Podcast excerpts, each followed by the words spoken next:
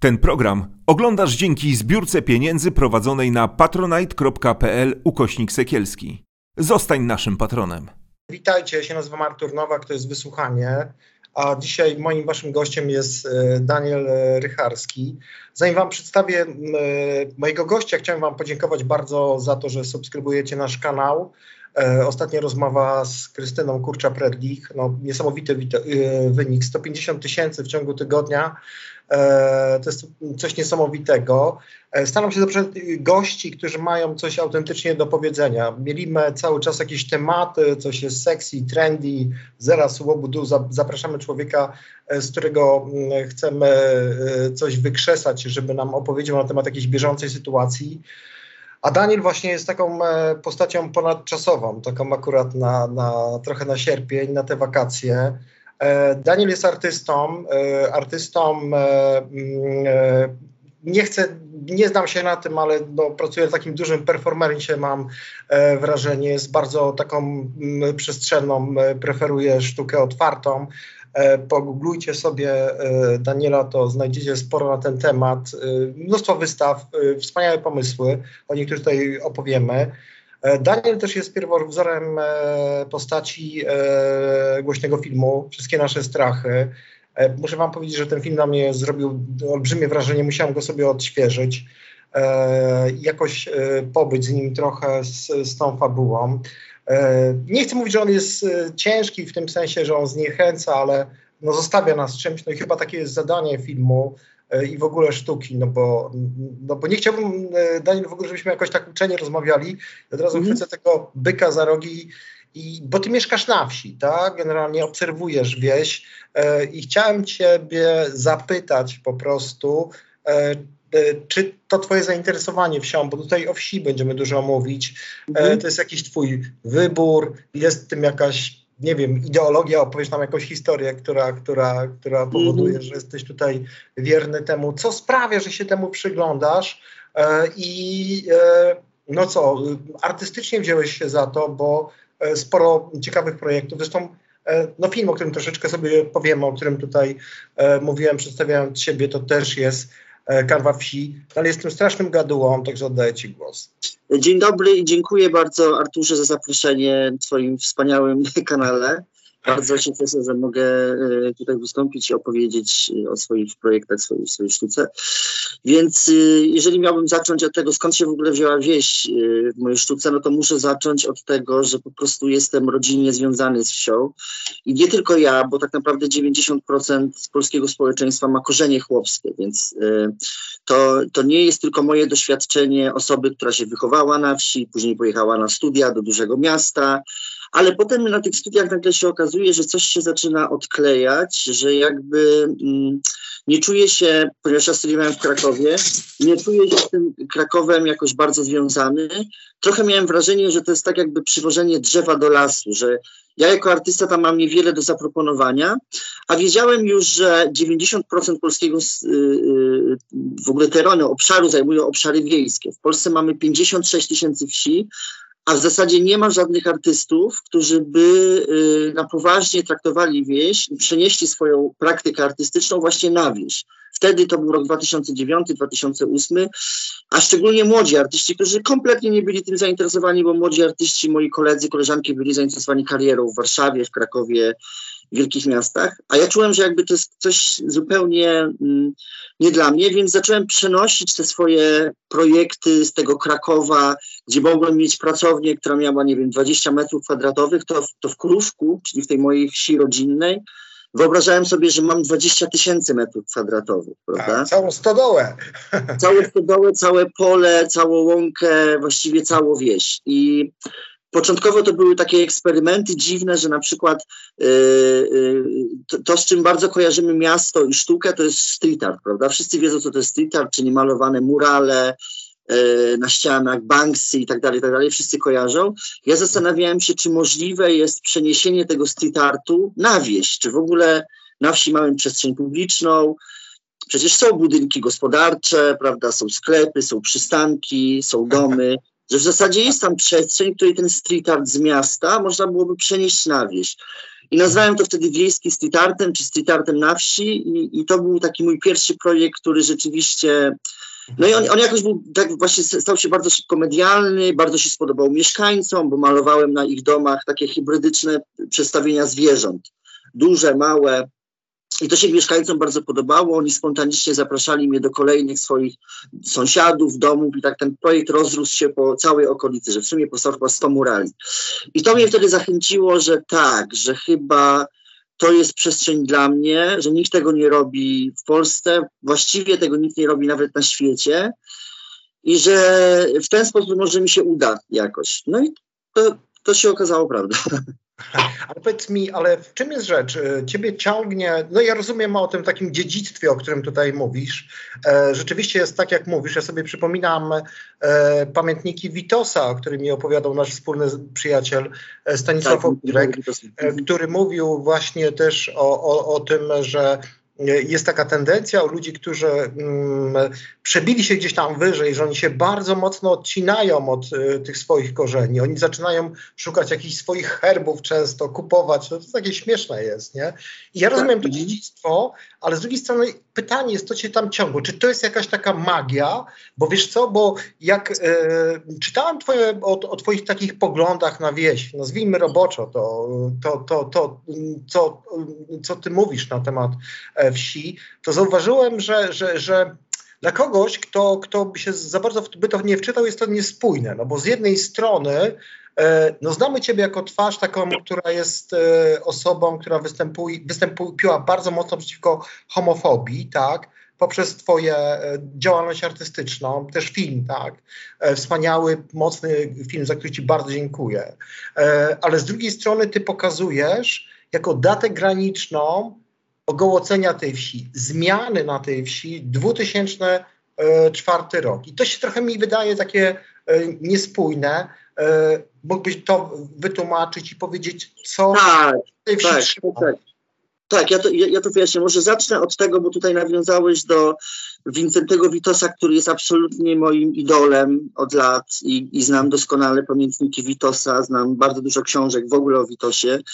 I Witos y, miał, i, i, to jest to prawdopodobnie, to Staszek Obirek ci powiedział, że rzeczywiście bardzo często synowie chłopscy, którzy mieli to szczęście, że mogli być, y, mogli mieć dobrą edukację, mogli wyjechać, skończyć studia, bardzo często mają w sobie takie poczucie, że oni muszą wrócić do swojej miejscowości i w jakiś sposób wykorzystać tą swoją wiedzę, mo możliwości, znajomości i tak dalej, żeby tej wsi jakoś pomóc. I to nie ma znaczenia, czy to były lata 30., czy to były lata 2000. Oczywiście problemy są inne i one się bardzo zmieniły, ale ym, to jest właśnie ta taka żyłka animatora, aktywisty, społecznika, którą ja też dziedziczyłem po dziadkach od strony rycharskich, którzy należeli do PSL-u, ale tego PSL-u ludowego, nie tego współczesnego PSL-u, tego PSL-u, który walczył y, o wykluczonych i biednych ludzi, chłopów, którzy, którzy nie mogli się edukować, byli bardzo biedni, z którymi walczył Kościół, bo ko Kościół katolicki walczył z edukacją w latach 30., a siłą rzeczy walczył to właśnie dziś, z PSL-em. To dziś mam wrażenie, że walczy. Przepraszam, że ci prze, przeszkodziłem. Tak. Mhm. tak, to były, y, to ja, ja czytam bardzo dużo pamiętników chłopskich i na przykład czytałem ostatnio pamiętnik chłopa z Podpłocka, czyli z moich okolic, który był PSL-owcem i, op i opisywał jak Y, ksiądz z jego parafii skarżył na policję, na chłopów, którzy chodzili na piechotę, na piechotę, bo nawet nie mieli rowera, nie mieli konia na protesty, żeby protestować za powszechną edukacją, z którą walczył właśnie Kościół katolicki, bo Kościół robił wszystko, żeby PSL-owcy nie wprowadzili powszechnej edukacji. Znaczy, żeby nie czytać książek, żeby nie wiedzieć, to jest raz, a dwa, że Kościół nie chciał podzielić majątków tych publicznych, które posiadał na pola dla, dla chłopów. Więc jakby od początku miałem taką żyłkę społecznika, że skoro ja dostałem dobrą edukację, to mogę tutaj wrócić i coś zmienić na lepsze. I mhm. teraz y, dlatego zawsze podkreślam, że ja nie jestem tylko artystą, tylko jestem też aktywistą, który tutaj wrócił na tą wieś i próbuje walczyć z homofobią, z nienawiścią, próbuje jakoś polepszyć też tych lo, los tych ludzi, którzy tutaj żyją. I y, nawiązując do tego, co powiedziałeś o Unii Europejskiej, to jest tak. Y, może mi źle zrozumiałeś, dlatego że tej mojej pełnej wypowiedzi jeszcze nie było, bo pełna wypowiedź będzie dopiero w listopadzie, kiedy moja wystawa się pojawi w Warszawie. I to jest tak. Absolutnie y, najlepszą rzeczą, jaka się stała w ostatnich stu latach dla polskiej wsi, było wejście Polski do Unii Europejskiej. Dlatego, że ja nawet y, zrobiłem taką pracę na tą nową wystawę. Ta praca się nazywa Cepelia Sklewu, pomnik przyłączenia wsi do Polski. Bo ja uważam, że w 2004 roku wieś została dopiero przyłączona do Polski. I teraz pod względem y, ekonomicznym, y, pod względem takim y, finansowym to było absolutnie wspaniałe dla wsi, dlatego że wie, polska wieś Pierwszy raz dostała coś za darmo. Zaczęły się dopłaty do pól. Zmieniła się infrastruktura. Po 2004 roku więcej ludzi przeprowadziło się z miasta na wieś niż ze wsi do miasta, co jest absolutną rewolucją. Poprawiła się jakość szkół. W ogóle wszystko zmieniło się na lepsze. Natomiast y, no właśnie bardzo trudnym tematem jest, który y, też nie było jeszcze takiej przestrzeni, żeby o tym mówić, zresztą tej przestrzeni teraz też do końca nie ma jakby w czasach PiSu, żeby krytykować Unię Europejską, ale y, trzeba pamiętać, że to się, to się wszystko to dobre, co się wydarzyło, wydarzyło się za dużą cenę. I tą ceną, jaką zapłaciliśmy i też jaką zapłaciliśmy jako polska wieś, jest cena y, tej kultury chłopskiej, czyli upadku. Musieliśmy się po prostu pozbyć wszystkich tych małych, rodzinnych gospodarstw, na których opierała się kultura chłopska od tysiąca lat w Polsce. I to był proces jakby nieodwracalny, bo nawet jeśli byśmy nie weszli do Unii Europejskiej, albo stałoby to się później, to prędzej czy później my musielibyśmy się tych gospodarstw pozbyć, bo taki jest rynek jakby międzynarodowy, taka jest ekonomia i to jest jakby coś, z czego się nie dałoby w żaden sposób zatrzymać. I ja robię y, wystawę, w której opowiadam jakby o tym, co się stało z tą tysiącletnią tradycją kultury chłopskiej. Mhm. Po to powstała ta wystawa, bo to jest proces, który się bardzo przyspieszył po roku 2004 Y, że właściwie w ciągu 10 lat od roku 2004 wszystkie te gospodarstwa zniknęły. W tej chwili na wsi tylko 12% mieszkańców wsi to są rolnicy.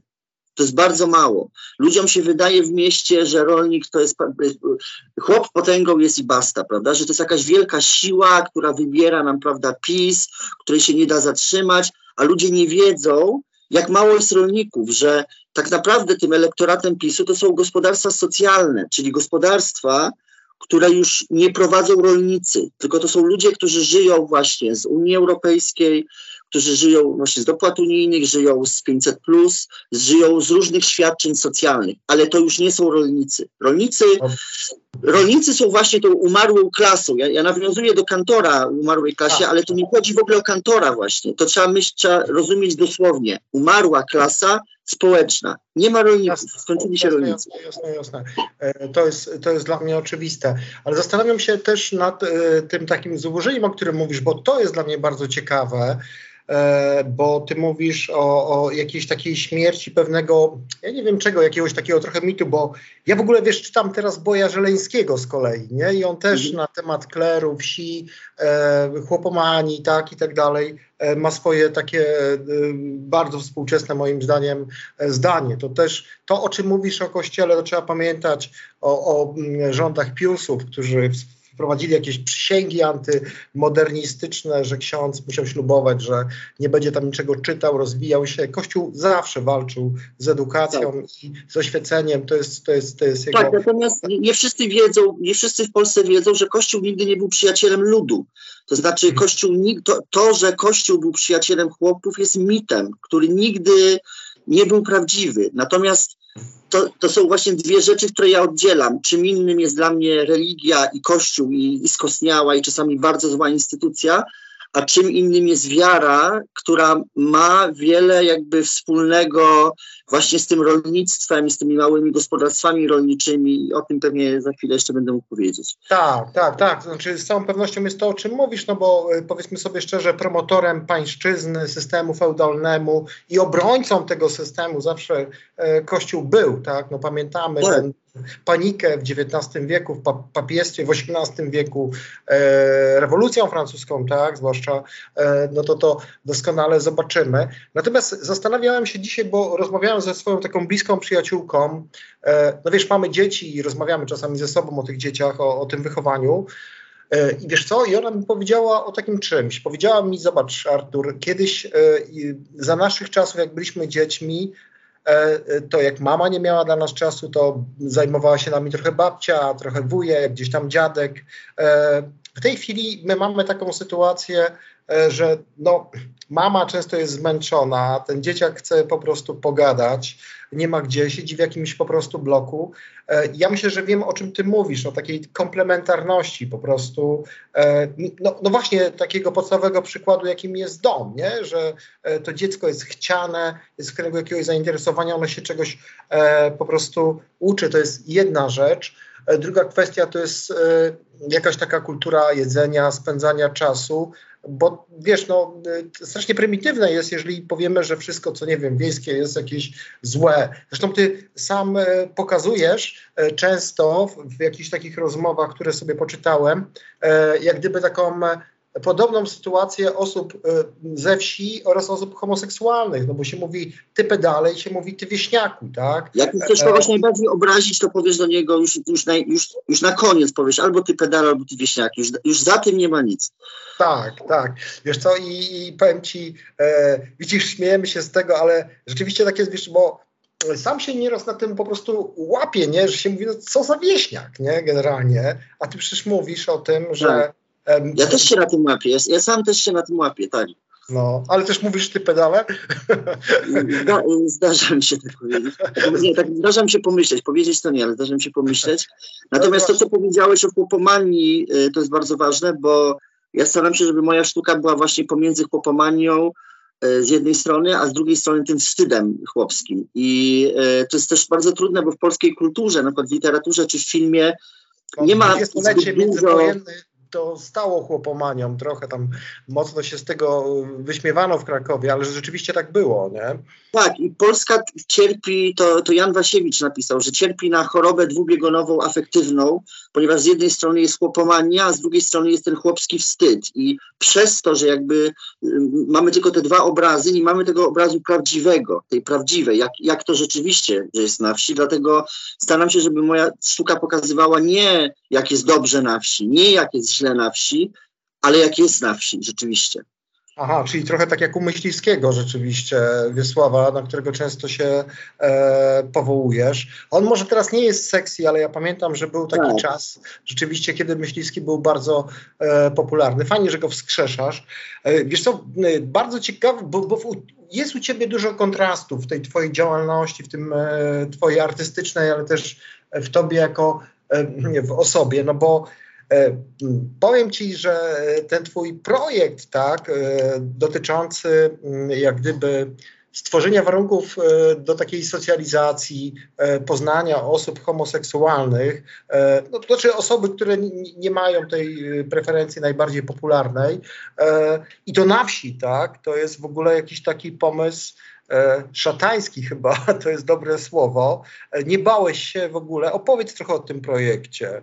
Tak, ten, ten, mówisz o projekcie Opieka Rodzinna e, tak, na tak, pewno. Tak. I to był, e, to był dla mnie bardzo ważny projekt i rzeczywiście to był bardzo odważny projekt. To znaczy, to, to był rok 2020, czyli sam środek w ogóle tej rządowej systemowej homofobii, kiedy te wszystkie bzdury opowiadał nasz prezydent, politycy, też, biskup, też biskupów, powiedzmy szczerze. I biskupów, i, a, i oczywiście hierarchów kościelnych. I też było ogromnym zbiegiem okoliczności, że projekt rozpoczął się tego samego dnia, kiedy aresztowano Margot, a to był zbieg okoliczności. I projekt polegał na tym, że ja w którymś momencie zauważyłem, że no to są te dwie grupy, te dwie najbardziej pogardzane grupy w społeczeństwie. Są ci rolnicy, którzy są w poważnym kryzysie takim ekonomiczno-społecznym y, po tych, 20, tych 16, nie wiem, już lata, 15 latach w Unii Europejskiej, a z drugiej strony są osoby LGBT, które są no, szykanowane i prześladowane przez państwo. I zacząłem się zastanawiać, czy te dwie grupy nie mogą sobie w jakiś sposób pomóc, co jakby no, jest trochę szalonym pomysłem. No ale właśnie po to jest sztuka, że właśnie w sztuce możesz realizować takie szalone utopie, takie szalone pomysły. I pomyślałem, że mm, ponieważ dla mnie w ogóle y, mieszkanie na wsi, przebywanie na wsi ma taki wymiar bardzo terapeutyczny. To znaczy, ja się leczę z miasta tutaj na wsi. Czasami w mieście się czuję, jak jestem tam zbyt długo przytłoczony, zbyt dużo wszystkiego, zbyt dużo wszystkich i tak dalej, i tak dalej. Jak jadę na wieś, to odpoczywam i dla mnie to jest zawsze bardzo taki pobyt y, leczniczy, więc zacząłem się zastanawiać, czy jeżeli nie mógłbym zebrać kilku osób LGBT i zawieźć je na jakiś czas do rodzin rolniczych, które by się nimi zajmowały, tak jakby wyjechali na taki turnus, na takie wakacje tygodniowe do rolników. I e, namówiłem Muzeum Sztuki Nowoczesnej w Warszawie, żeby płaciło tym rolnikom za opiekę nad tymi osobami. I to się może wydawać na pierwszy rzut oka kontrowersyjne, że ja tutaj, instytucja płaci rolnikom 300 zł dziennie za opiekę nad osobami LGBT, ale to też chodziło o to, to był sam środek COVID-u bo w tym covid dowiedzieliśmy się, że są takie zawody jak telemarketer, pracownik banku, bez których no, ten świat jak, jakoś tam dalej się kręcił jednak. Ale są takie zawody jak opiekun na przykład, bez których nie ma, po prostu nie ma nic dalej. Po prostu bez tego opiekuna nie kręci się świat dalej. Więc też chodziło mi o to, żeby dowartościować bo miałem takie poczucie, że ta praca opiekuna jest trochę nieszanowana, taka jakby niepoważnie traktowana, że co to jest w ogóle. Więc chodziło o to, żeby dowartościować tą pracę opiekuna i płacić jednak tym rolnikom, co nie wykluczało absolutnie takiego prawdziwego, realnego przywiązania i bardzo bliskiej relacji, która się wytworzyła między tymi rolnikami i osobami LGBT. I finalnie udało mi się znaleźć pięć rodzin rolniczych w pięciu różnych wsiach, i pięć różnych osób LGBT z Warszawy i z Łodzi. No i tak, no i pojechały te osoby tam na tydzień, no i to się bardzo dobrze skończyło. To znaczy, no było duże ryzyko, ale oni już po pierwszym dniu, już po drugim dniu y, ci rolnicy traktowali te osoby jak członków rodziny, gotowali dla nich, razem y, oprzątali zwierzęta, brali udział w żniwach, rolnicy zabierali ich do sąsiadów, do miasta, na targ, do sklepu wozili ich bryczką, no robili wszystko, żeby oni też nie siedzieli w tym gospodarstwie i tam się nie nudzili, tylko zapewniali im rozrywki cały czas. No i bardzo dobrze to wyszło. Potem robiliśmy wspólne ogniska codziennie y, we wsi Zglenice, żeby tak jakby y, oni nam opowiadali, prawda, co było, co robili, oni robili zdjęcia. No i to się bardzo udało. To, yy, ja sobie wtedy pomyślałem, że gdyby państwo finansowało taki projekt antydyskryminacyjny gdzieś y, na wsiach, to w takim na przykład, nie wiem, powiecie sierpeckim po 10 latach nikt na wsi by się nie odważył yy, skrytykować osoby LGBT, dlatego że to byłoby zbyt jakby oficjalne, źródło dochodu, poważna sprawa, że tego jakby nie można robić już jakby systemowo. I dlatego bardzo bym chciał, to był oczywiście projekt eksperymentalny, dla, dlatego był robiony przez muzeum, a nie przez, nie wiem, jakąś fundację czy jakąś państwową instytucję. Zresztą przez państwową instytucję wiadomo, że nie ma mowy, żeby coś takiego teraz robić. Ale tak sobie wyobraziłem, że ktoś już po mnie mógłby to teraz kontynuować i to by zebrało bardzo dobre owoce. Zresztą były takie, były takie propozycje, że po tym projekcie dostawałem propozycje od producentów y, telewizyjnych, żeby zrobić z tego teraz reality show w telewizji, żeby zamienić to w ogóle w program reality, taki wiesz, jak, jak jest E, my rolnicy, jak się żyje na wsi, to tylko tutaj z osobami LGBT, czyli taka rozrywka z przesłaniem, prawda? No ale jak na razie to nie doszło jeszcze do skutku. No, to by mogło być ciekawe. Znaczy ja sobie, wiesz co, trochę się nie zgodzę z tobą, bo rzeczywiście e, chodzi mi o tą motywację szacunku dla osób e, LGBT. E, chodzi mi o to, że mm, ty mówisz, że to motywacja mogło być to, że to przynosi dochód i tak dalej, ale mi się wydaje, że zasadniczym problemem, wiesz co jest? Opatrzenie się, socjalizacja. Wiesz co, bo ja rozmawiam z no, wieloma... No, tak, oczywiście, to jest... To jest no, jakby... Wiesz co, bo powiem, ci, bo powiem ci, y, na przykład jak rozmawiam y, w małych miejscowościach często y, z, z ludźmi, z moimi kolegami, wiesz co, to oni często mówią, ja tam do pedałów nic nie mam, ale niech mi zejdą z oczu, jak to robią, wiesz. Niech się nie odnoszą. Tak. tak, tak, właśnie, wiesz co, bo zastanawiało mnie to, skąd się bierze to, wiesz, myślę, że dla człowieka, który przebywa z osobami, które się, nie wiem, całują, przytulają, po prostu, no nie jest jakaś to wielka sensacja po prostu, nie? To jest kwestia, wiesz co, z takim, jak gdyby oswojeniem się, opatrzeniem po prostu. Wiesz co, no, to jest straszne w ogóle słowo oswojenie się, ale chyba dobre, e, tak mi się wydaje, e, bo po prostu tego nam trzeba. Ja sam pamiętam, sam pamiętam jako młody chłopak, kiedy miałem 12-13 lat, jak ktoś był osobą homoseksualną, to się mówiło pedarastą, pedofilem, no po prostu wszystkim on zarazem był. No, taka była świadomość, wiesz, w tych latach 80., e, to ja bałem się obok takiej osoby siedzieć, żeby ona mi gdzieś tam nie zjadła, nie zhomoseksualizowała, po prostu, no nie wiem co, nie? I to jest taka funkcja, taka właśnie e, mm, e, poznawcza po prostu, taka, no właśnie oświecająca, nie? E, ty, to jest bo, chyba...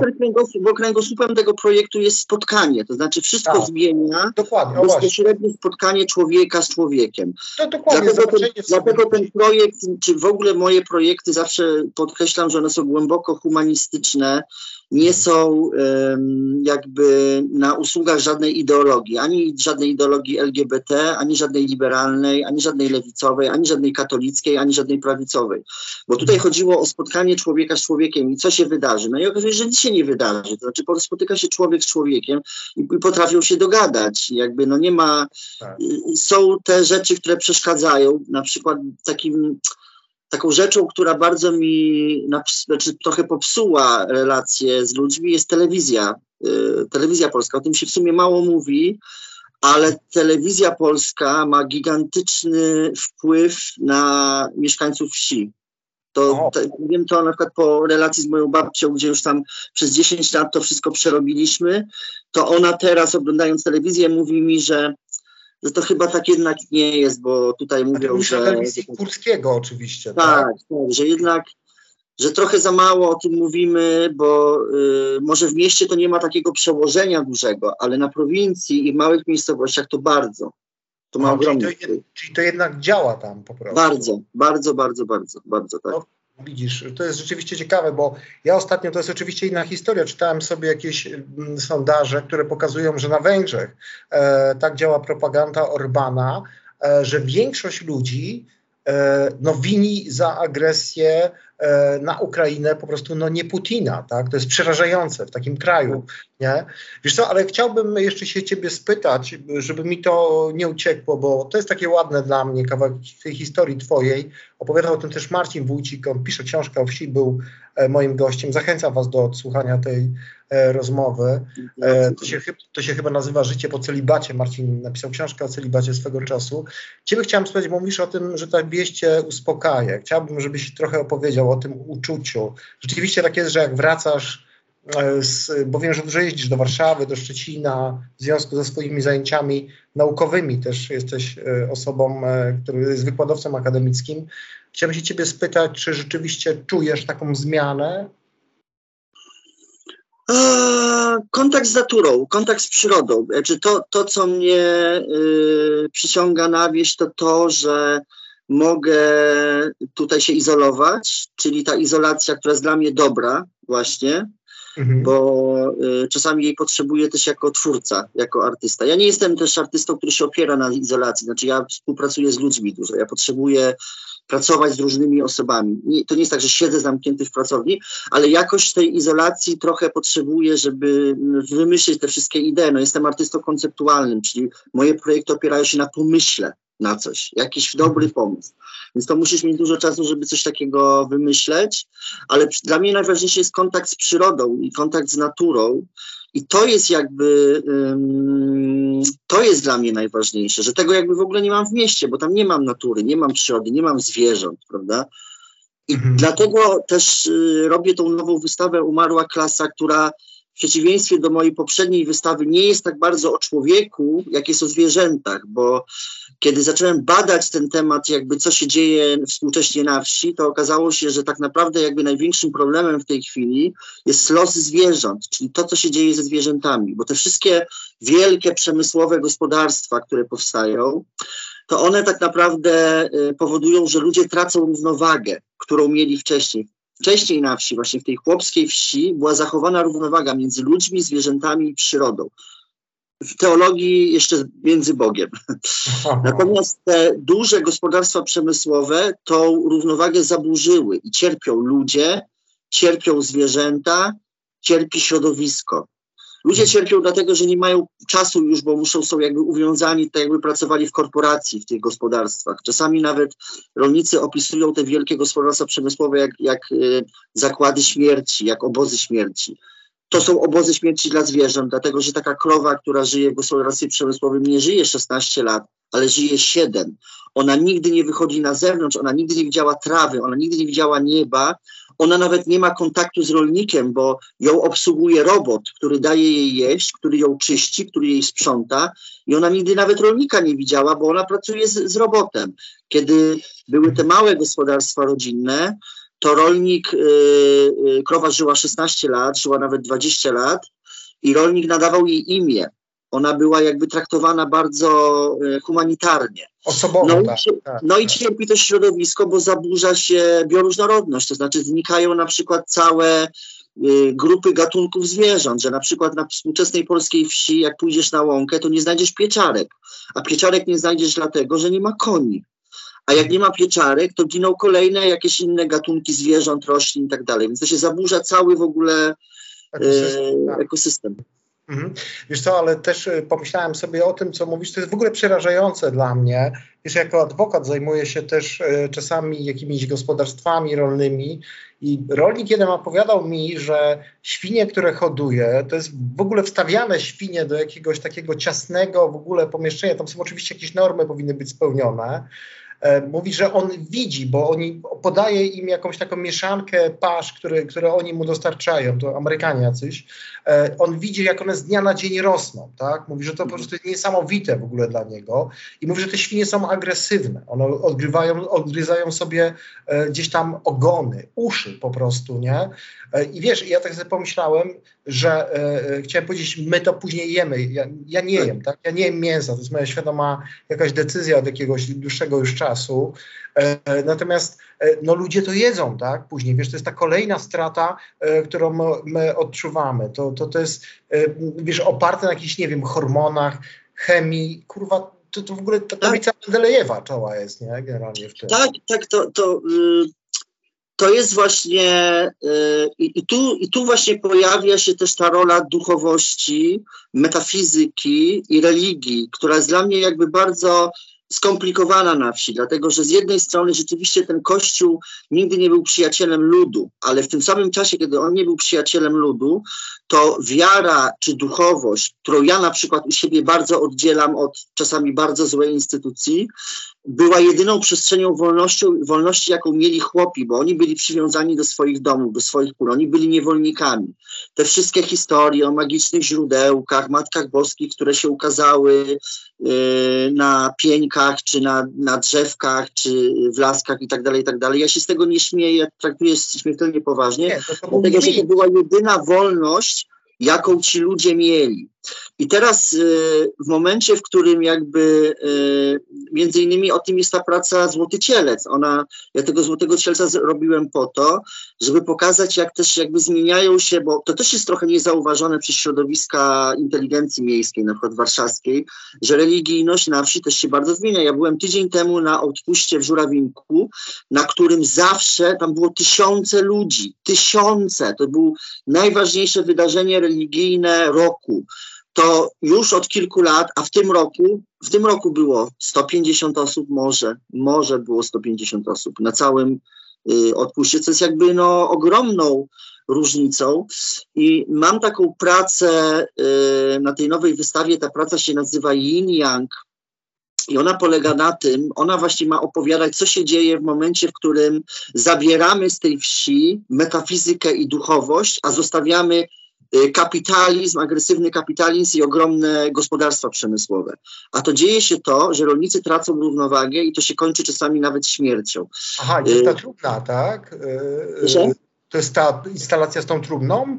Nie, nie, nie, to jest praca, nie, nie, nie, to jest praca, y, ona polega na tym, że ponieważ moje prace zawsze opierają się na jakiejś bardzo mocnej historii lokalnej, zawsze biorę coś lokalnego, żeby to opowiedzieć. I historia jest taka, że był rolnik tutaj w naszej wsi, który no właśnie nie reformował tego gospodarstwa po 2004 roku, no i y, gospodarstwo zaczęło przynosić straty, wpadł w depresję, zaczął pić. A, Jak zaczął pić, policja go złapała, y, po pijanemu zabrali mu prawo jazdy. On sfrustrowany pojechał pod komisariat policji, rozbił radiowozy, trafił do więzienia. Wyszedł z tego więzienia, wpadł w taką depresję, że krótko po tym zmarł. Zosta żona została z gospodarstwem z dziećmi, zaczęła to gospodarstwo wyprzedawać. I ja kupiłem od niej takie wielkie koło od sieczkarni, czyli takiej maszyny, która służyła do ścinania trawy, sieczki dla zwierząt, które to później jadły. I to koło miało wpisane jakby taki, taki symbol, jak yin yang, czyli takie dwie łezki, takie jakby dwie kijanki. Tak. I ja to koło od niej kupiłem, przeszkliłem to koło i je, połowę jednej kijanki wypełniłem benzyną zmieszaną z olejem e, silnikowym zużytym, czyli na czarno, a drugą łezkę przeszkloną wypełniłem mlekiem. Dlatego, że też takim marzeniem e, rolniczym tutaj w okolicy jest zrównanie cen mleka i benzyny, że Dlaczego mleko jest sprzedawane za złoty 20 do skupu, a benzynę się kupuje za ile? Za tam za 6 zł, czy tam za, za 7 zł, prawda?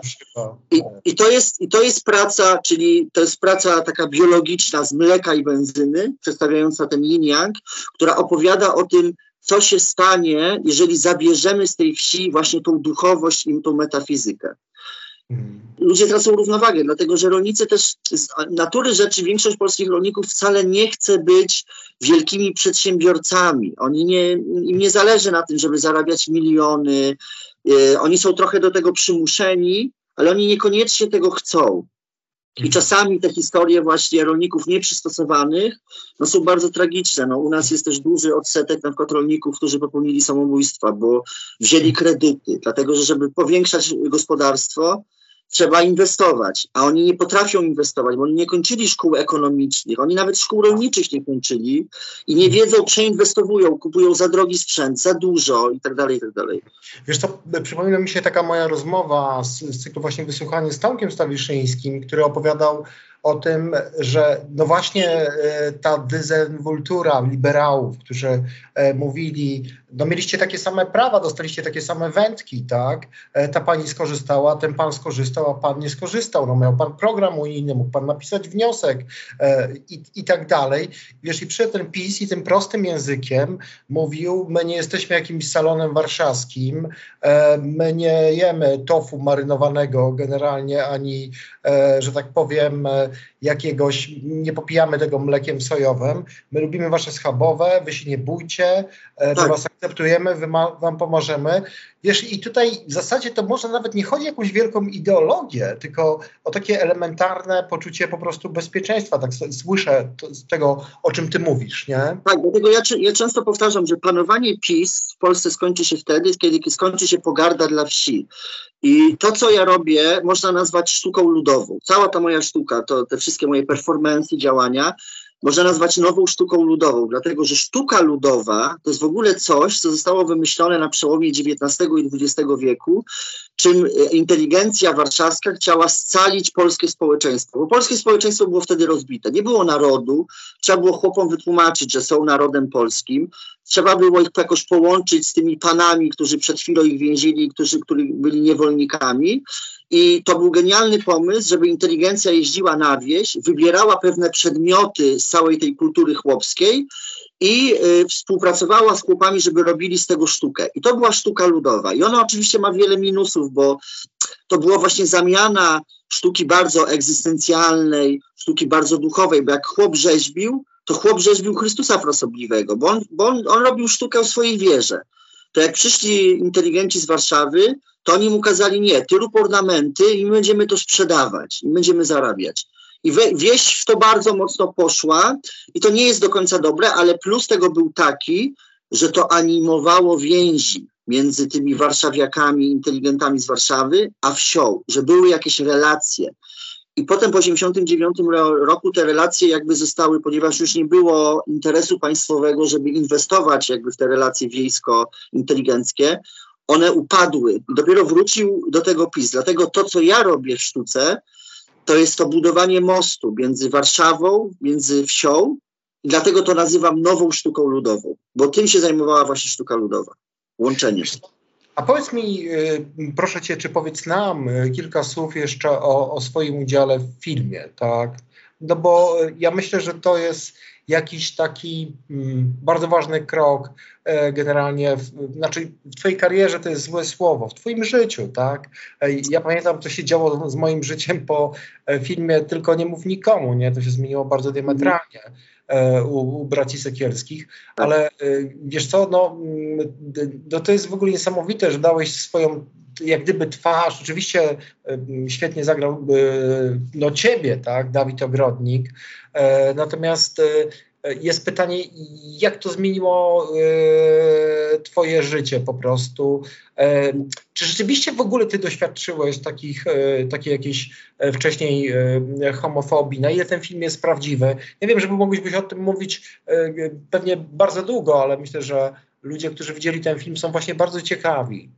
Tego. To jest, y, mm, to jest tak, że znaczy oczywiście to, y, ja miałem dużo czasu, żeby przyzwyczaić się do myśli, że ten film powstaje o mnie, o moim życiu i o mojej sztuce.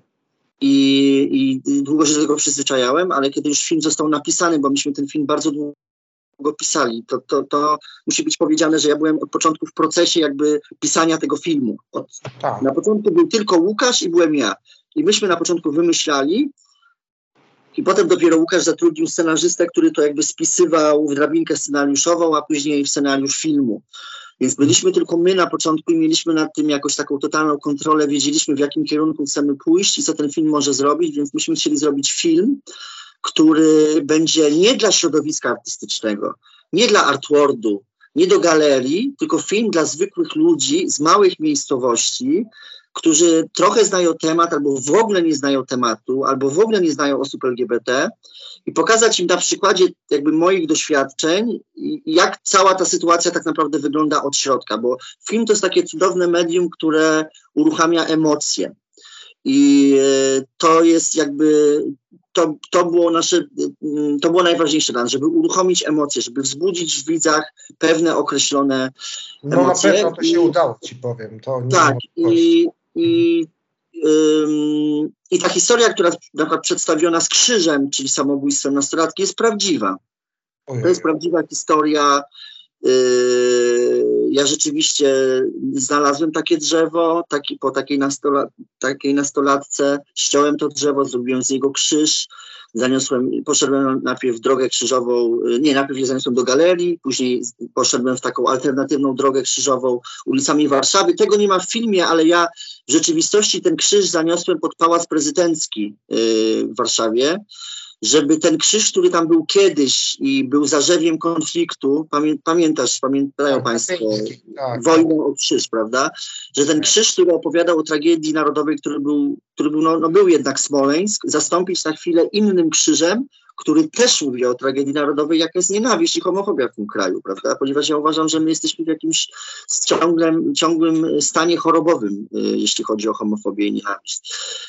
I to miało na mnie taki, znaczy, i, no i potem film powstał i e, jakby to się nam jeszcze nie skończyło, bo jakby mm, efekty tego filmu ciągle odczuwam i one są takie, one są bardzo pozytywne, bo na przykład lokalnie w sierpcu powiedzmy, w sierpcu już oficjalnie poprzez kanały Urzędu Miasta, Facebookowe i tak dalej, nikt się nawet nie waży powiedzieć nic homofobicznego w naszym mieście bo to jakby jest od razu skreślone. To jest jakby już w ogóle nie ma o czym rozmawiać.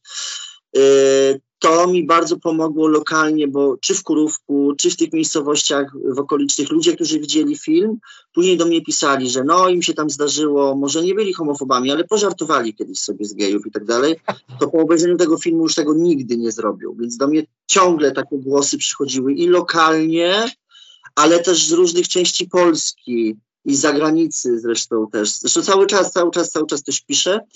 Poza tym ciągle ktoś przyjeżdża do Kurówka. No do Kurówka przyjeżdża praktycznie codziennie ktoś. Ostatnio był pan rowerem nawet z Tarnowskich Gór, y, z Gdańska, z Gdyni, Warszawy, no z Katowic, no w ogóle z całej Polski ludzie przyjeżdżają. I najfajniejsze jest dla mnie to, że film pokaz, jest pokazywany ciągle i są ciągle organizowane pokazy w bardzo małych miejscowościach.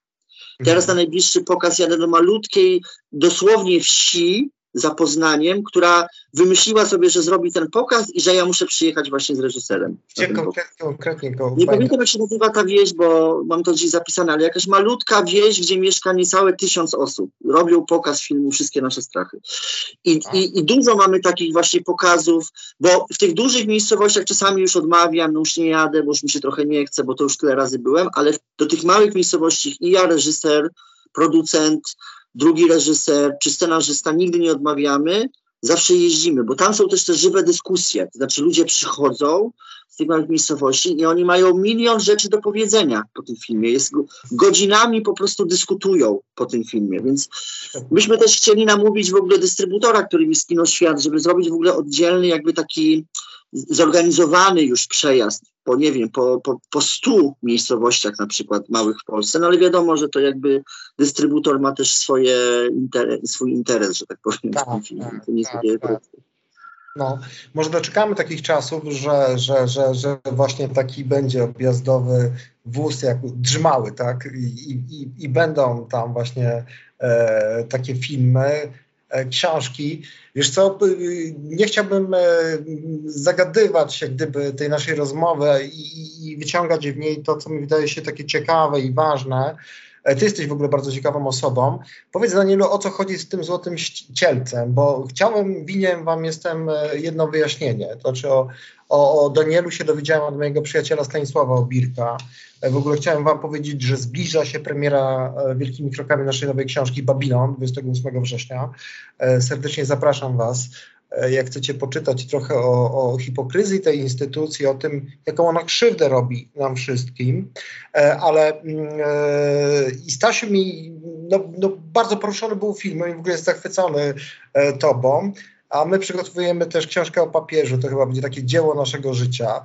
E, Dużo jeździmy też za granicę, jeżdżąc za, za, za Wojtyłą E, i wiem, że ta paralela Złotego Cielca, kiedy, o której Stasiu mówi w Polaku katoliku, ale też w wąskiej ścieżce, dlaczego synem e, z kościoła zrobiła na tobie wrażenie i że Mhm. ty takiego złotego cielaczka przygotowujesz. Tak, i y, to jest, nie wiem, może, może dużo ryzykuję tą pracą, w sensie No myślę, Mam- wiesz co, powiem ci, że na, na wsi nie wiem, jak to by zostanie, zostanie przyjęte. No tak, ale właśnie sztuka polega na tym, że muszę wyprzedzać potrzeby moich Epokę. odbiorców i, i też epokę, więc nie mogę jakby zdawać się na, na gusta moich y, tutaj sąsiadów i robić pod ich gust pracę, tylko muszę ich wyprzedzać w tym, czego potrzebują, oczekują. I to jest tak, że ta praca z jednej strony jest dosłownie jakby metaforą właśnie Staszka Obirka, która uznałem, że zasługuje i, i po prostu powinna być zmaterializowana, bo ona wtedy będzie mocniejsza. I pomyślałem sobie wtedy, że y, no właśnie my trochę nie zauważamy tych przemian na wsi religijnych, że ja to widzę totalnie, to znaczy cały ten taki dewotyzm, cała taka ta, rytual, ta, ta rytualność katolicka, ona już gdzieś się zaczyna kończyć na wsi. Znaczy ludzie są już tym coraz mniej, raz, że są, stracili cierpliwość, a dwa, że jakby gdzieś wieś staje się też coraz bardziej świecka. Ja to też zauważyłem.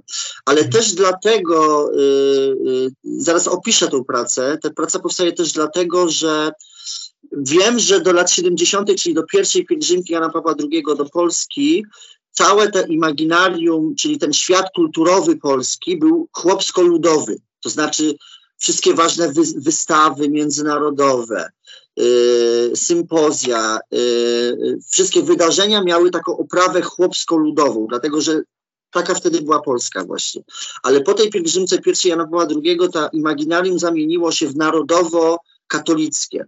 I teraz cała ta moja działalność plastyczna, arty, artystyczna na wsi, promująca wieś, jakby y, no, to powracanie do chłopskich korzeni, Chodzi tutaj o to, żeby to imaginarium teraz znowu odwrócić z tego katolicko-narodowego znowu w chłopsko-ludowe.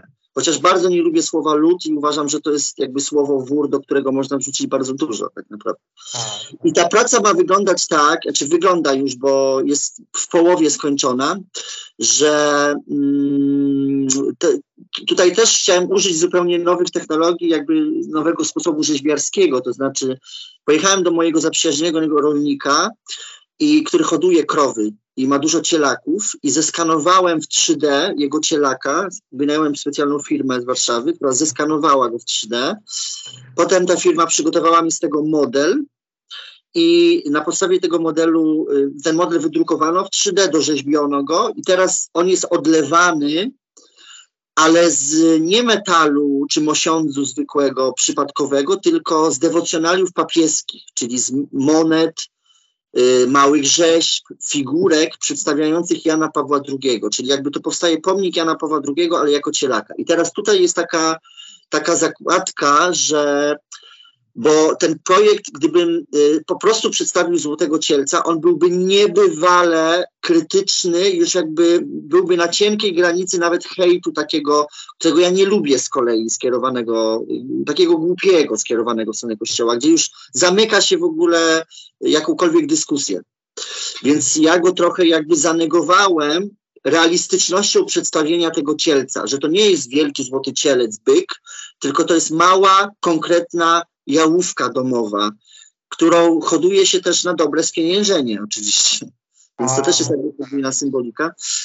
I, yy, I teraz yy, model jest już gotowy. Yy, w przyszłym tygodniu będzie odlewany. Pracuję z odlewnikiem z Zabrza nad, nad tą rzeźbą. I tutaj teraz ciekawostka, że ludzie, których znam ze środowisk chrześcijańskich w Warszawie, zaproponowali mi, ponieważ w Starym Testamencie jest tak, że to nie tylko powstał Złoty Cielec, ale on później został jakby rozkruszony i został, musiał zostać zjedzony jakby za karę przez tych ludzi, którzy go zbudowali, z, zrobili. I tutaj mi proponują właśnie różni katolicy, chrześcijanie, żeby go teraz skruszyć i dać go do zjedzenia, czyli jeszcze, żeby zrobić tą część performatywną, ale oczywiście raczej tego nie będę robić. Przypomnijmy, że chodziło o takie pokazanie właśnie tego bałwochwalstwa, tak? tak. E, tego przywiązania się do zupełnie czegoś innego i, i e, stworzenia pewnej z materii, pewnej, pewnej e, natury boskiej, boskiej. Ja widziałem już, jak prace postępują. Jeżeli pozwolisz, to ja udostępnię na swoich social mediach. Mhm. Bardzo serdecznie Was zapraszam na mojego Instagrama Arturo Nowako, na Facebook. Ja tam będę nie tylko tą instalację Daniela, ale też i inne, które znajdę, e, udostępniał.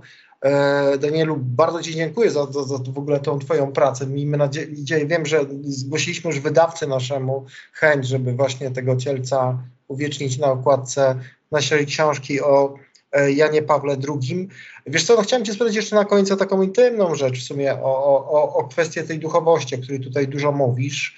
E, ja mhm. myślę, że mm, ta duchowość też jest jakimś takim e, dla ciebie motorem, ona ci daje siłę do tego, e, co, co robić. Ze sztuki w Polsce no, nie ma wielkich pieniędzy, więc myślę, że gdybyś chciał zarabiać, to byś się zajął czymś innym. Natomiast, no właśnie powiedz trochę nam... Chyba, że jesteś tym jednym procentem artystów, bo jeden procent artystów wizualnych odnosi duży sukces finansowy. No tak samo też jest z pisarzami chyba trochę więcej jest. No, coś jest na rzecz rzeczy, no ale trzeba coś innego robić, żeby e, sobie jakoś tam e, radzić. Ale chciałem się ciebie spytać, bo e, takie odjanie, pawlenie na wsi, to myślę, że to będzie duże wyzwanie, wiesz, bo to, tak. ja nie wiem, jakie to wygląda teraz, tak, ale ja pamiętam takie czasy i to całkiem jeszcze niedawno, wiesz, że gdzie ja mm, nie gościłem, gdzie ja nie byłem, no to ten obraz tego wielkiego Polaka e, był, o którym się dowiadujemy strasznych teraz rzeczy, tak, jak wielkim był e, hipokrytą, no, e, książka tak. Babilon, no, będzie pokazywała tą postać świętej Teresy, osoby, no, tu, no, która po prostu no, no, była jakąś hopsztaplerką zwykłą. Zapraszam Was 28 września e, premiera. E, jest pytanie, czy po, mm, polska wieś w ogóle jest przygotowana na to, wiesz, bo ja wiem, że ty nie masz takiej misji, żeby tam kogoś obrazić i tak dalej, ale gdzieś tam z jednej strony jakiś gniew się w tobie zebrał, jakieś takie emocje też, nie, no bo to się nie robi tak po prostu, nie wiem, z ciekawości e, takich rzeczy, tylko... Nie, dlatego, że to miało jakby ogromny wpływ na moje życie i to, że mamy taki akurat katolicyzm w Polsce, że tak powiem, zabetonowany, no to jakby są efekty działań e, Jana Pawła II, bo ten kościół, były różne kościoły, była teologia wyzwolenia w Ameryce Południowej, były Tak. różne wizje i były różne formy tego kościoła. Nie musiał być taki, jaki mamy teraz. Natomiast e, to jest też tak, że jak robiłem te pierwsze projekty queerowo, LGBT, wiejskie, to też wszyscy mi mówili, ale co ty w ogóle, jak, jacy geje, jaka wieś w ogóle, e, to w ogóle nie przejdzie, to jest zbyt odważne, to, na nie, to nie na te czasy w ogóle na wsi. No i okazało się, że popracowałem, popracowałem i to się przyjęło i zostało zaakceptowane. To samo później było jakby z tymi wierzącymi osobami LGBT, że to też, że to jest za poważne, i też no, popracowałem, zrobiłem kilka projektów, yy, minęło kilka lat i teraz mogę tu lokalnie o tym swobodnie rozmawiać, więc myślę, że podobnie będzie. To też jest dla mnie jakieś tam kolejne wyzwanie, kolejny etap, który ja muszę jako artysta też jakby rozpocząć, prawda? Więc ten Jan Paweł II jest dużym wyzwaniem, ale nie jest dla mnie większym wyzwaniem niż wprowadzenie tematu osób y, LGBT na wsi na przykład. Dobrze. No to fajnie, to trzymamy za ciebie, Danielu, e, kciuki. E, bardzo Was serdecznie zapraszam e, do zapoznania się w ogóle z, z tym, e, co robi Daniel. Tak? Jest trochę materiałów e, w, w internecie, do oglądnięcia oczywiście filmu. Tak? Film jest e, doskonały.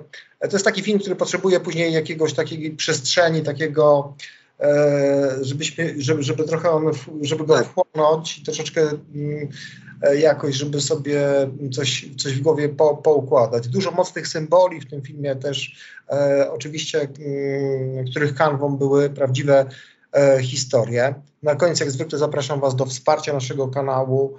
E, dzięki Wam ten kanał ist, istnieje. My nie bierzemy za to żadnych e, e, środków, wręcz dokładamy często. Prosimy Was też o subskrybowanie naszego kanału, a ja Was zapraszam na swojego Instagrama Artura Nowako, na Facebook Artur Nowak, tam pokażę już niedługo złotego cielca, a Ci Danielu bardzo serdecznie dziękuję e, za to spotkanie i mam taką nadzieję, że się zobaczymy, jak już Twoje dzieło będzie ukończone. To ja bardzo dziękuję Ci, Arturze, za zaproszenie do Waszego, y, waszego wspaniałego kanału i dziękuję wszystkim. Dzięki. Ten program oglądałeś dzięki zbiórce pieniędzy prowadzonej na patronite.pl ukośnik sekielski. Zostań naszym patronem.